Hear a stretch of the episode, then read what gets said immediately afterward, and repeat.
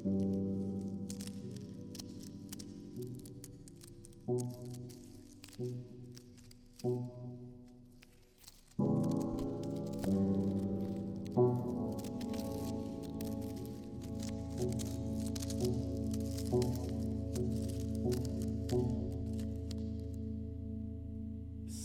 senin 90'larını kaça bölüyorsun? Ya da 90'lar sence böyle kendi içerisinde bölünerek anlatılacak bir e, 10 yıl dilimi mi? Bence elbette bölünerek anlatılacak bir 10 yıl dilimi. Ee, bir kere 90'lı yılların ilk yarısı ile ikinci yarısı birbirinden farklı her koşulda. Ben hep müzik üzerinden düşündüğüm için tabii doğal olarak müzik üzerinden ilerleyeceğim. İlk yarıda pop baskınken ikinci yarıda bir anda rock devreye giriyor ve bambaşka bir hale bürünüyor ortalık 95-96 sonrasında özellikle ki hani biliyorsun sen de içindesin e, asıl o hikayenin. Dolayısıyla ben kendi adıma 90'ları ikiye bölüyorum. E, iki sebepten ikiye bölüyorum. Birincisi bu değişim. İkincisi 96'dan itibaren ben de fiili olarak müzik yazarı olarak çalışmaya başladım. Dolayısıyla e, hani tanıklığım e, aktarıcılığa dönüştü. E, tam o dönemde bir radyo programı yapmaya başladım. Aslında benim en büyük kırılma noktam 90'lı yılların ortası. 94T radyo programı, 96'da çıkarttığımız dergi, e, ondan önce 95 yılında Evrensel'de e, birkaç aylık bir çalışma. Hangi dergi? muhabirliği, müzik dergisi. Müzik dergisi. Dolayısıyla e, 95 itibariyle benim de hikayem başka bir noktaya evrildi. Ondan önceki hikayen neydi peki? Ondan Ağır, yani önce- sende ne ağırlıklı olarak ilerliyordu? Ya aslında ondan önce Ankara'da kimya mühendisi olmaya çalışan bir gençtim doğal olarak. Ee, okumaya gelmiştim. 88'de geldim ben Ankara'ya ve e, işte 92'ye kadar falan güzel güzel okudum. Ondan sonra 92'de e, böyle bir kısım e, oluşumlarla tanıştım. Öğrenci Derneği'nden doğru politik durumlara giriştim. Ee, sonrasında zaten 93'ten sonra Türkiye'de başka bir hale büründü. Yani o 93 acayip bir yıldır Sivas katliamı o yıl oldu. Turgut Özal o yıl öldürüldü. Eşref Bitlis'in öldürülmesi, ölümü e, ve başka başka bir sürü hikaye. E, ondan sonra bir anda Türkiye'de değişti. Ben tam o sırada e, bir radyoda program yapmaya başladım. Radyo Arkadaş'ta Ankara'da kurulmuştu. Ben de kurucular arasında hasbelkader katılmıştım tesadüfen aslında. E, ama iyi de oldu.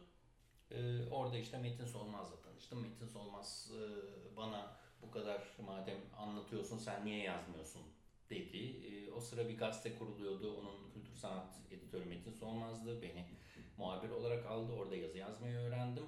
E, sonrasında zaten Metin'le müziği çıkarttık. E, Alper Fidaner'in de katılımıyla. Bir anda kimya mühendisi olmak üzere e, yola çıkmış e, ve sahiden hani işte kimya mühendisleri odasıyla temasa geçmiş. Benim en büyük hayalim rafineride çalışmak. Kimya mühendisi olma sebebim de oydu zaten. İzmit'te çocukluğumda rafineriyi kesip e, yani şu bacısından dumanlar çıkan yere nasıl girebilirim e, şeklinde bir soruyla ortaya çıktım ve dolayısıyla e, öyle girdim aslında ki stajımı da rafineride yaptım bu arada sahiden kimya mühendisleri odasıyla işbirliğine geçip kendimi rafineriye sokturttum zaten 3 kişi falan alıyorlardı. Hayalin gerçek Öyle- oldu. Tabii tabii hayalim gerçek oldu yani o rafineride çalıştım. İki ayda olsa e, oranın her yerini şimdi hala böyle ezbere çizerim o rafineriyi o kadar e, hevesliydim. Ama sonra bir anda iş değişince e, ben okulu da bıraktım. Kendimi tamamen yazı çizi, radyo, müzik işlerine vermeye başladım. Dolayısıyla tam o kırılma noktası 90'ların tam ortası.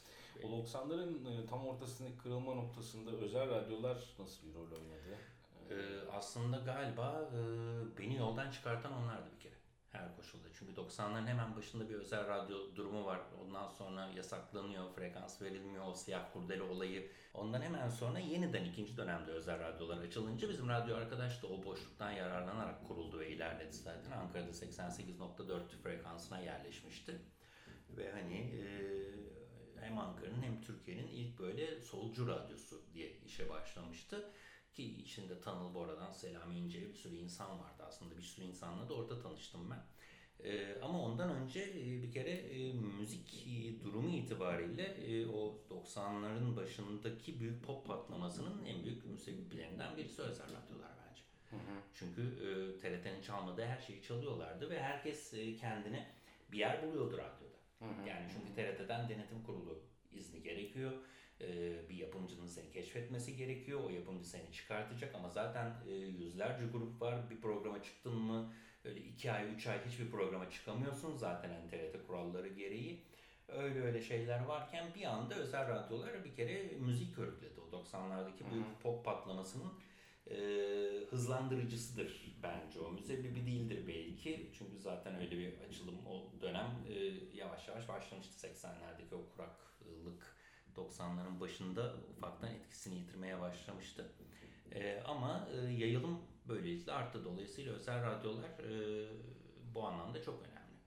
Bence yani kişisel tarihim de zaten önemli ama e, benim e, ya bir sürü şeyi de dinleyip tanıdığım, bildiğim e, şeyler aslında. Keşfetmeye de yardımcı Keşfetmeye oldu. de Yani yardımcı bireysel oldu. anlamda da keşfe çok Tabii, tabii. yardımcı oldu. Herkesi de bir yerlere doğru sürükledi. Mutlak aslında. surette yani hem yenileri keşfettik hem eskileri keşfettik aslında çünkü o zaman internet yok bir şey yok ben plak toplamaya hevesli bir insanken bir sürü şeyi işte Show Radyo'da Doğan Şener'in programından öğrendim zaman tünelinde pop gezinti e, Ali Kocatepe'nin programından öğrendim yani TRT bir noktaya kadar e, anlatıyordu yani TRT her şeyi anlatıyor olsa bile Cem Karaca'yı anlatmıyordu mesela. Doğan Şener onu da çalıyordu. İzzet Öz'ün programları TRT'de bambaşkaydı. Sonra özel radyolara geçince bambaşka programlar yapmaya başladı. Daha özgür oldu. E, dolayısıyla hani hem yeniler hem eskileri yani bunu yaparken aslında işte Çayna Bendi de ben Alhun Bay Hakan e, ikilisini e, de özel radyolar sayesinde keşfettim. İzzet Öz çok çalardı e, o programlarında. E, İzzet öyle bir John Peel durumu var değil mi? Evet ya kesinlikle yani Orhan Atasoy'u ki onlara albümü yapan da o China Band'i e, o ilk albümler e, hep öyle keşfettik. Dolayısıyla e, çok işe yaradı özel radyolara bence her anlamda işe yaradı. Hem böyle bir sürü insan e, hevesli bir sürü insan kendini mikrofon başında buldu. E, ben de dahil olmak üzere hem de e, bir sürü şarkıyı, şarkıcıyı, grubu keşfetme imkanımız oldu. Aa, geçenlerde konuşurken işte demokratik kitle örgütlerinden sivil toplum kuruluşlarına Hı. nasıl gelindiği konuşulurken gene aynı yıl veriliyor neredeyse. Yani Evet. orada enteresan bir kırılım var. Şimdi Türkiye'deki politik müzik tarihi itibariyle de böyle 96-97 bir kırılım yılı dönemi değil mi? Tabii. Ee, her koşulda çünkü e, aslında 80 darbesinden sonra 1980'ler çok e, vasat ve tek düze geçti. Yani 80'lerin sonuna kadar hiçbir şey yok neredeyse. 90'larda bu cıvıltı ile birlikte hani ortalığın karışması ile birlikte karışma derken hem politik anlamda hem e, kültürel anlamda.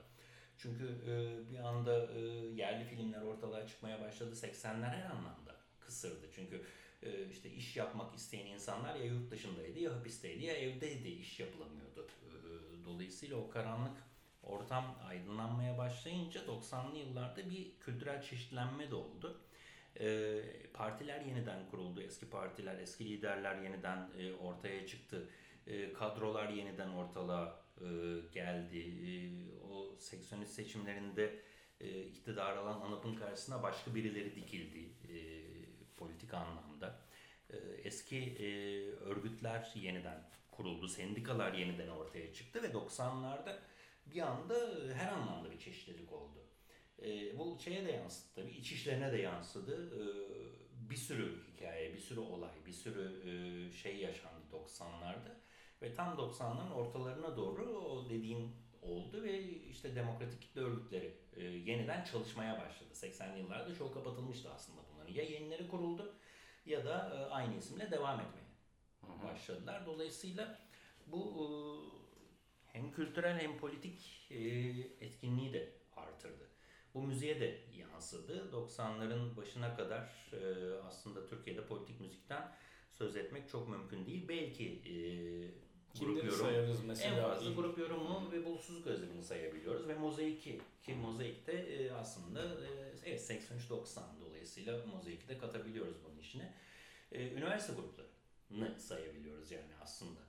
E, ODTÜ'den gelen ama başka bir yola evrilen Yeni Türkü var mesela. Yeni Türkü Yeşilmişik'e kadar çok politik dokunmalarda bulunmadı. Yeşilmişik'te e, ne zaman ki e, işte Buğdayın Türküsü'nden bir şarkıyı yeniden yorumladı. Sonrasında politik tavrını da yavaş yavaş ortaya çıkartmaya başladı ama e, o arada İstanbul Üniversitesi galiba Ezgi'nin günlüğü, grup yorumun çıktığı yerler, e, Boğaziçi Üniversitesi'nde Mozaik, e, Bulutsuzluk Özlemi ve sonradan kardeş Türklerin temelini oluşturacak Boğaziçi Gösteri Sanatları Topluluğu, Folklor Kulübü ya da daha öncesinde bunlar yavaş yavaş ortaya çıktı ve sonrasında iş e, büyüdü ama grup yorum mozaik. Ezgi'nin günlüğü o bile hani çok politik sayılmaz. E, ve Bulusuz Gözlem bence. Bulusuz Gözlem mozaik grup yorum. Üç tane grup adı sayabiliyoruz. Ha bu arada e, elbette Cem Karaca yurt dışında işe devam ediyordu. Bir şeyler yapmaya, e, Şanay taban bir şeyler yapmaya devam ediyordu. Fuat Sakaya da bir sürü insan bir şeyler yapmaya devam ediyordu. Ama onlar Türkiye'de bir şey yapamıyordu. E, Zülfü Livaneli bile yurt dışından geldikten sonra e, aslında 80'lerin sonuna kadar e, yaptığı albümlerde aşk şarkıları söylemeyi tercih etti. Sazı bıraktı, caza yöneldi. Ne zaman işte Güneş Topla Benim içini yaptı 86'da. Theodorakis'le birlikte ki o da aslında politik tavrı olan bir albüm değil yani tek politik tavrı Türk-Yunan dostluğuyla. Dolayısıyla oradan ilerledi ama yavaş yavaş kıpırdanmalar başladı neticede. Geri dönüp baktığımız zaman işte 96'da bu rock gruplarının bir anda ortaya çıkması, işte üniversite festivalleri, üniversite şenlikleri aslında orada çok büyük rol oynadı evet. diye düşünüyorum. Sen de o dönemde çok yakından e, takip ediyordun. E, ve tabii plak şirketlerinin e, örneğin Ada Müziğin, Kalan'ın, e, kimi sayabiliriz başka plak şirketi olarak? E, o dönemde adayla Kalan Ada önemlisi, en önemlisi evet. Ada. Ada çünkü o gruplara e, albüm yap, yap, yapması tabii. yoğun bir şekilde e, onu o grupları görünür kılması açısından çünkü çok önemli bir rol oynadı. Ondan önce de aslında 80'li yılların sonundan itibaren Ada çok değerli işler yapıyor. Bir kere Bulutsuz Gözlemini çıkartıyor. E, Mozaik'in albümlerini o yapıyor. E, sonrasında e, böyle bir kısım sol tandanslı e, gruplar e, işte Örgütlemişler Baharı, Atmacalar, Umut Ezgi ya da sonrasındaki adıyla e, gibi gruplara e, yer açıyor. Türkiye'deki rock patlamasının en büyük e, müsebbiplerinden biri o da bence o dönemde. Çünkü E, onlara albüm yapabilen e, çok az şirket var ki sen o dönemde zaten hani doğrudan adanın içindeydin. Hı hı. Oradan hı hı. doğru e, tanıklık ediyorsun olaya. Hı hı. Ada hep gitti 80'lerden sonra hep böyle e, bayrağı en önde tuttu. Kalan e, 90'ların e, ortalarına doğru kuruldu. E, Adadan aldığı bir kısım albümleri yeniden yayınlayarak işe girdi. Sonrasında kendi yolunu çizdi ama o da mesela ilk albümlerinden birisi Asım Can Gündüz'ün o e, meşhur ilk albümüdür. E, dolayısıyla e, Kalan da böyle enteresan bir yerden başladı. Seyir defterine iş yaptı mesela. Hani kesme şekere e, albüm yaptı. E, bir şeyleri görüyorlardı değil mi Tabii. toplumdaki bir değişim. Sence Mutlaka. neyi görüyor olmalılar? Yani neyi görüyorlardı ki bu gruplara albüm yapmaya başladılar? Ya birin... Çünkü bir patlamadan bahsediyoruz ya plak şirketler orada önemli bir rol oynuyor. Birincisi bahsettiğin e, rock festivalleri, rock şenlikleri, üniversitelerin müzik kulüpleri tarafından düzenlenen rock şenlikleri ki ben Ankara'da ODTÜ ve Hacettepe'de düzenlenen e, şenliklerin tanığıyım. Ankara Üniversitesi'nde de e, Dr. Skal dolayısıyla e, tıp fakültesinde morfoloji salonunda pek çok rock grubu konser verdi. Ama e, işte Dr. Skal dinlediğiniz salonda bir gün sonra Safiye Aile'yi de dinleyebiliyordunuz. Öyle bir ortamdı Ankara'daki. Ee, İstanbul Üniversitesi'nin galiba rock şenliği, İTÜ'nün rock Ege Üniversitesi. Ege Üniversitesi'nin İzmir'de, e, Çukurova Üniversitesi'nin bunlar yavaş yavaş bir şeyleri çıkartmaya başladı. Yani Çukurova Üniversitesi'nde rock şenliği oldu. Oradan grup Tını e, çıktı. E, Tını orada bilindi, İstanbul'a geldi. Adı Müzik ona albüm yaptı. E, ve Feridun Düzağaç bir kere her şeyden önce Tını ile adımını atarak bugüne geldi.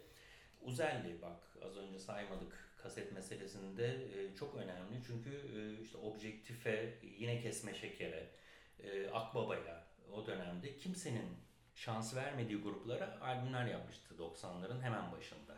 E, bir tık daha eskidir. E, ada bile rock işine girmemişken Uzelli aslında rock işine girmişti.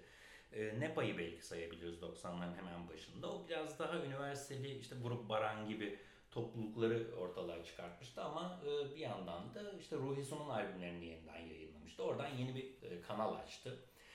Anadolu müziğin Zuhaşi Berebe'yi çıkartması e, gibi gibi işler o dönemde bence çok önemli adımlar ve neredeyse 90'lı yılların sonrasını 2000'li yılları hazırlayan etkenler ama üniversitedeki rock şenlikleri olmasa bunlar olmaz. Çünkü o zaman Çağlan'ı analım. E, Lanet konserler dizisi mesela çok inanılmaz şeyler yaptı. Lanet diye bir e, şey çıkarttı o dönemde Çağlan Tekil. e, arkadaşlarıyla birlikte e, bugün hani müzik camiası oradan oluştu neredeyse Kanat Akkaya'dan işte Tolga Akyıldız'da bir sürü insan oralardan yetişti. Hani başka yerlerden geliyorlardı onlar zaten. Orada buluştular ve yollarına devam ettiler. Onlar öyle bir hareket başlattı. E, o sayede işte moda sinemasında konserler oldu. Kadıköy tarafında İstanbul'da e, açık havada büyük rock konserleri oldu. E, ve bir sürü grup açık hava sahnesine çıktı böylelikle. İşte Abdülika'nın Hıbrı'daydı galiba köşesi. Önce Gırgır'da sonra Hıbrı'a geçti. Sonra kendi dergisini çıkarttı falan bir sürü iş oldu. E, onun e, köşesi e, O köşenin mesela Moğolların toplanmasına vesile olması. tabii Yani e, Çok şimdi buradan da şey. birazcık şeye gelelim istiyorum. Aa, Bağımsız yayıncılığın e, nasıl bir rol oynadığına, işte Express'in arkasından onun içinden çıkan rol, Abdülüka'nın meselesi, ondan sonra buna benzer. Ya bağımsız yayıncılık sence o noktada nasıl bir rol oynadı? Bir de dün konuşurken bir arkadaşımla gene bu podcast serisi için şeyi konuştuk. Yani örneğin kulüpçülük, mekancılık, festival ve plak şirketlerinin caz dünyasında nasıl böyle birbiriyle ilişkili bir şekilde o seyini yönettiğini anlattı. Hı. Yani birazcık aslında onu sormak istiyorum. Hı hı. Ya burada bir işte rock şenlikleri var. Ondan sonra bir yandan e, plak şirketleri yeni yeni e, farklı alanlara açılıyor. Evet. O grupları görünür kılmaya çalışıyor. Ondan sonra bir izleyici kitlesi var biriken. Bir bağımsız yayıncılık hareketi var. Konvansiyonel yayıncılığın da çok çeşitlenmesi, artması ve Beyoğlu'na e, sükun Evet. etmesi var. Cağaloğlu'ndan Beyoğlu'na geçmesi ve daha Evet, toplamda bunu nasıl Şey- görürsün? puzzle'ın parçaları olarak düşünmek mümkün ve e, öyle kilit noktalarda yer alıyorlar ki yani işte üniversitelerdeki rock şenliklerini o dergiler duyurmasa e, özel radyolar belki o grupları çalmayacak ve e, o gruplar kaset yapamayacak. Tam tersi de geçerli ama o gruplar konser vermesi birileri kaset yaptırmayacak, kaset yapmadıkları için keşfedilmeyecek, dergiler onları öyle keşfedecek, oradan özel radyolara gidecek. Hepsi birbirinden besleniyor ve çoklu bir ortam aslında. Hani bugün e, özlediğimiz bir ortam bu. Çünkü bunun içine kulüpleri de katmak gerekiyor. E, o dönem e, işte yavaş yavaş e, temeli atılan e, festivalleri katmak gerekiyor. Yani İstanbul Festivali'nin e, Jazz Festivali ve İstanbul Müzik Festivali olarak bölünmesi, Jazz Festivali'ne bir sürü insanın gelmesi, Bilsak Jazz Festivali 80'lerin ikinci yarısından itibaren yavaş yavaş hani kıpırdanmaya başlaması bu işlerin. Akbank Jazz Festivali. Akbank Jazz Festivali, Parlament Jazz Jazz Festivali. Tabii tabii Parlament Jazz Festivali, Efes Pilsen Blues Festivali. inanılmaz festivaller zinciri tam o 90'ların e, ortasından itibaren başlıyor. Yani benim 90'larımı başlatan olay bir festivaldir mesela. Ben 90'lara bu kadar e, müzikle iç içe girmişsem e, bunun sebebi Ankara'da Arı Stüdyosu'nda e, Parlament Jazz Festivali bünyesinde verilmiş bir Viking Ray Charles konseridir. Ya bu inanılmaz bir şeydi benim açımdan. Ee, hemen arkasından e, Jet Total konseri olmuştu yine Arı Stüdyosu'nda ve bunlar e, böyle acayip işlerdi e, benim açımdan E, ve ben o vesileyle aslında hani e, bu işlere e, bulaştım biraz da çünkü e, bunları görebileceğimi, dinleyebileceğimi fark ettim. İstanbul Festivali'ne 89'da Bob Dylan'ın gelmesi, Miles Davis'in gelmesi ondan bir yıl önceydi galiba ya da, ya da belki aynı yıl. E, bunlar güzel hareketlerdi mesela ve ondan sonra da e, bir taraftan hani yurt dışındaki e, bir kısım hareketlerin e, konser olarak e, Türkiye'de e, ortalığa çıkması hani mozaik dedim, bulutsuz gözlemi dedim. Onlar e, işte insan hakları hemen şimdi Human Rights Now konserlerinin Türkiye ayağını verdiler mesela o dönemde. E, öyle öyle 90'ları bunlar hazırladı. Sonrasında bir anda patladı olay ve evet e, yayıncılık e, bu anlamda çok önemli. E, kulüpçülük bu anlamda çok önemli. Bir sürü mekan kuruldu ya Babilon'un temeli o dönem 90'larda atıldı. Yani bugün e, müzik yapan, müzik dinlediğimiz mekanlar aslında 90'lı yılların ortasında e, kurulan ya da kurulmak üzere niyetlenen mekanlar bence. E, kaldı ki böyle 2019 falan gibi e, garip mekanlardan da bahsetmekte fayda var onlarda. O DJ'lik durumunu yani 80'lerde Studio 54, Airport, F34 varken o diskotek ortamından canlı müzik ortamına geçildi bir anda 90'larda. Ve e, işte POT gibi mekanlar İstanbul'da, e, Ankara'da Gölge e, gibi yerler. E, işte Mojo'dan e, ya bir sürü aslında mekan var yani. Evet, ben de onu soracaktım. İnanılmaz. Senin 90'lar mekanların hangileri? Yani bugün 90'ları düşündüğünde böyle ilk aklına gelen mekanlar hangileri? Ee, bunu e, illa müzik icra edilen yerler olarak değil hani genel anlamda. Böyle bir bize bir 10 çıkartabilir misin? Çıkartırım ama düşüne düşüne çıkartmak gerekir. Bir kere ben Ankaralı olduğum için doğal olarak Ankara üzerinden e, gitmek durumundayım. E, Ankara'da e, Gölge, herkesi dinleyebildiğimiz, eğlendiğimiz mekan. E, hemen arkasından açılan Limon. E, sonra talihsiz bir şekilde kapanan Limon ama e, işte Peyote'de çalan grupları orada dinlerdik biz. E, mekan olarak e, orayı tercih ederlerdi. E, Saklıkent çok önemli Ankara'da bence. Yani sizin de geldiğiniz o festivaller vardı. E, belki senin de içinde bulunduğun festivaller. E, inanılmaz grupları, inanılmaz e, bir şekilde dinledik orada mesela. E, Manhattan Ankara'da çok önemliydi e, ve Selçuk Yöntem işletirdi galiba. Replik var. Çevre sokakta olmalı. Galiba Manhattan Çevre Sokak'taydı. Replik e, Farabi civarındaydı galiba. Tenedos Orada da enteresan Bülent mekan. dinlerdik. Tenedos apa- apayrı bir mekan. Yani bak Ankara'dan bile 10 mekan çıkıyor aslında. Ben onu İstanbul'a taşıyacaktım ama e, Tenedos'ta da caz dinlerdik bir sürü. Çok Siyah iyi beyaz. e, grubu dinledik. Siyah beyaza ben çok gitmezdim. Hani maddi durum itibariyle e, hani biriktirdiğim paraları siyah beyazda değil de e, replikte Bülent Ortaç ile Erkan Uğur ikilisini dinlemek için harcardım. Biraz daha şeydim. E, siyah beyaz benim dışımda bir mekandı e, Ankara'da ama o da çok önemli bir mekan elbette. E, İstanbul'da da yani trene atlayıp e, gelip Peyote'de e, işte bir sürü grubu dinleyerek dönmüşlüğümüz vardı. Yani onların çıkış günlerini bilir. Hayal Kahvesi, Peyote, e, Kemancı. E, o üç yer önemliydi benim için. O üç yerin şeylerini e, Cumhuriyet'te yayınlanırdı onların ilanları. o dönem müzik dergileri de vardı tabii yani Cumhuriyet'te yayınlanırdı derken bu müzik dergisinde o aylık program yayınlanırdı ve biz ona göre e, şey belirler. Tam da rolun çıkmaya başladığı dönem, rolla da temasımın başladığı dönem. E, işte bizimkileri arar Merve Erol'u, e, Derya Bengi'yi, Ulaş Özdemir'i, rol ekibini e, arar. E, onlarda kalmak suretiyle e, o mekanlarda e, işte herkes dinlerdik. Yani seni de dinlemeye gelmişizdir. İstanbul Blues Kumpanyası'nı da dinlemişizdir. Replikası Mor ve Ötesi'ni. Yani Mor ve Ötesi'nin böyle 5 kişiye çaldığı konserleri hatırlarım ben POT'de. Evet. Ama çok severdi. Daha albümleri bile yoktu ya da yeni çıkmıştı belki hani o adadan şehirdi galiba Şehir. albüm. Ee, onlar yeni çıkmıştı ve benim için o üçlü önemliydi. Hayal Kahvesi, e, Kemancı ve Peyote. Ama onun dışında bir sürü mekan vardı tabii yani. Roxy'ye de giderdik, Mojo'ya da giderdik, Just Stop'a da giderdik.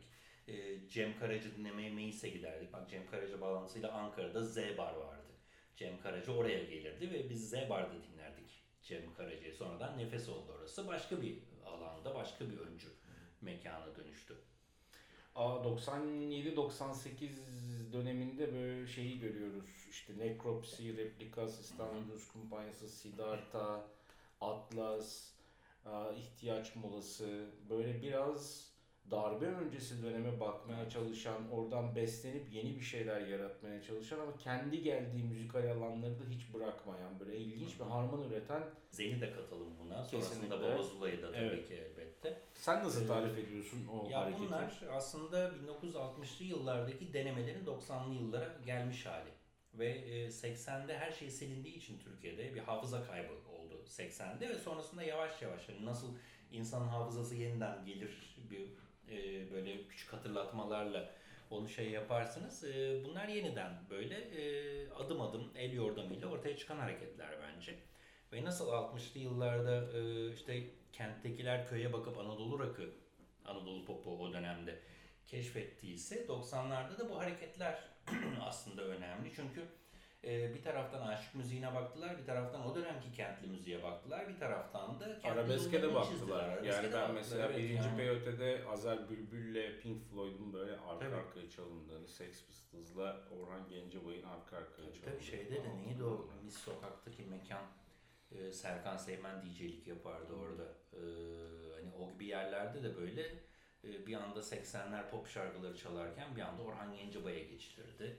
E, ve hiç yadırgamazdı kimse bunları. Öyle enteresan Hani bak durumlar o dönem öyle bir çeşitliliği arıyordu ve onun ondan Evet. çok heyecanlıydı, mutluydu değil mi? Ama işte çeşitlilik aslında galiba kilit nokta bu. Evet. Ee, Kilit kelime bu. Çünkü e, her alanda çeşitlilik vardı ve müzikte de aslında her şeyin birbirine girdiği dönemdir 90'lar bir taraftan baktığında. Yani arabeskin pop'a pop'un arabeske bulaştığı, İbrahim Tatlıses'in hem türkü söylediği hem Sezen Aksu şarkısı coverladığı ya da Sezen Aksu'dan doğrudan şarkı aldığı hem de arabeskin en böyle damar şarkıları ürettiği dönem. Yani bir taraftan kendi çizgisini sürdürürken bir taraftan inanılmaz türküler söylüyor. Bir taraftan e, pop şarkıları e, söylemeye hevesleniyor. Hepsini iyi söylüyor ve pop şarkısını pop gibi söylüyor.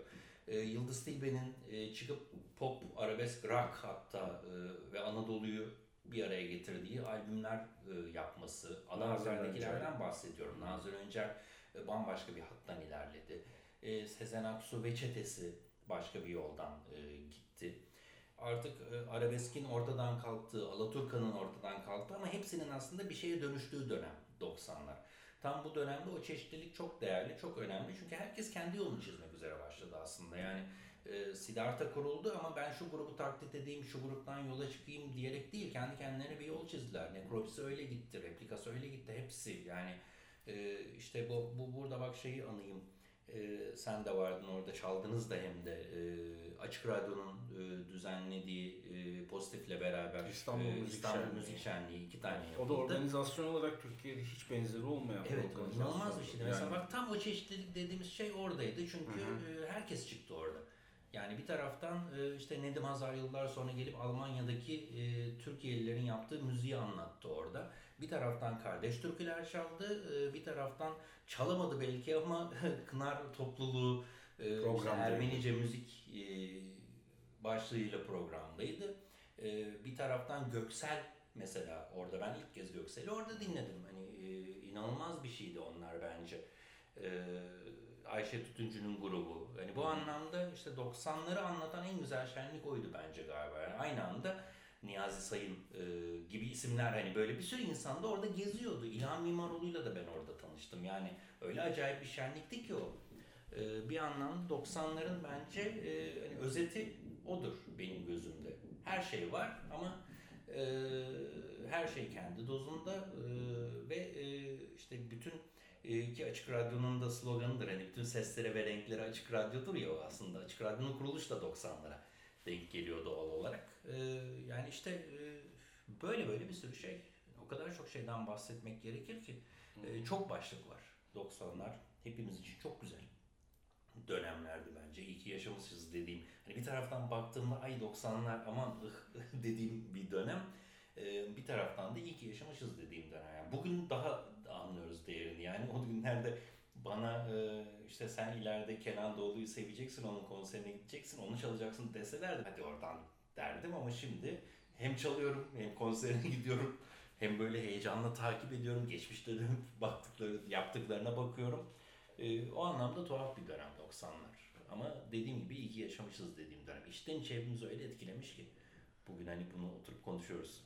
90'ları sence bitiren şey ne oldu? Yani burada mesela depremi biz konuşuyoruz. Depremin Evet. çok kritik bir Tabii. kırılma yarattığını 99. çok doğal olarak 17 e, Ağustos. birçok şeyi bir anda siliverdiğini Hı hı. e, söyleyebiliriz. Sen nasıl bakıyorsun? Yani 90'lı yılların 98-99'da bir şeyler bir şahikaya varmışken bütün bu Tabii. konuştuğumuz muazzam enerji, üretim, çeşitlilik e, söz konusuyken sonra e, Ağustos depremi oluyor. Deprem sonrasında da bence deprem çok önemli. Evet e, bir sürü şeyi yıktı deprem ve bir sürü so- kendimize gelemedik o deprem sonrasında. Ama ondan sonra kendimize gelirken de yanlış bir noktada kendimize geldik galiba. Bir kere yapımcılık işi değişti. Un kapanında böyle bir anda tuhaf şirketler ortaya çıktı. Prestij Müziği e, bilirsin. E, Prestij Müzik ailesi diye ortalığa çıkan o da 90'ların sonu falandır herhalde aslında ama e, sonrasında işte Erol Köse'nin e, topa girmesi, yapımcılığa soyunması ve daha bir sürü e, yeni şirketin kurulması büyük şirketleşmeler. Yani mesela 90'lı yıllarda Rax'tan bahsedebiliriz çok büyük şirket olarak e, ana arteri ele geçiren, e, elinde tutan, Ajda Pekkan'a da Sezen Aksu'ya da farklı şirket çatıları altında albümler yapan e, Rax'tan bahsederken sonrasında o şirketler başka bir şeye yöneldi ve e, prodüktörler ya da adına prodüktör dediğimiz insanlar e, müziği kendilerince biçimlendirmeye başladılar. Yani bence 90'ları bitiren olay Hande Yener'in çıkışıdır Türkiye'de müzikte. E, o başka bir yere çekti olayı çünkü. Bir anda e, bambaşka bir nokta e, belirdi ve 2000'li yıllar bunun üzerine kuruldu. Hande Yener ve sound'u üzerine kuruldu ve e, çok iyi iş yapan bir sürü e, ekip e, artık kendilerini duyuramaz hale e, geldi bence. O sonraki çok hızlı dağılmaların da başladığı dönemde bunun etkisi var bence. Bir sürü şirket e, artık iş yapamaz hale geldi. Çünkü büyük şirketler onların ellerindeki ana sanatçıları aldılar ve kendilerince dönüştürerek başka bir şeye e, yol açtılar ki bunda hani rock yapan e, ekiplerin de e, büyük e, değişim göstermesinde de bunun katkısı var. Mesela Bulutsuz Gözlemi de e, DMC'ye gitti ve e, orada başka bir albüm yaptı.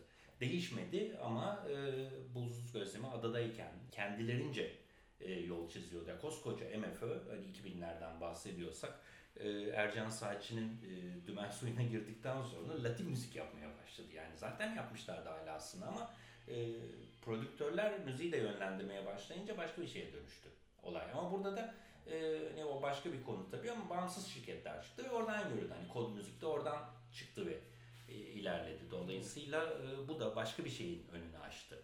Ama o 90'lardaki un kapanındaki e, radyolardaki başka yerlerdeki çeşitliliği ya da mekanlardaki çeşitliliği bitiren de bence 2000'lerdeki tuhaf e, prodüksiyon sistemi.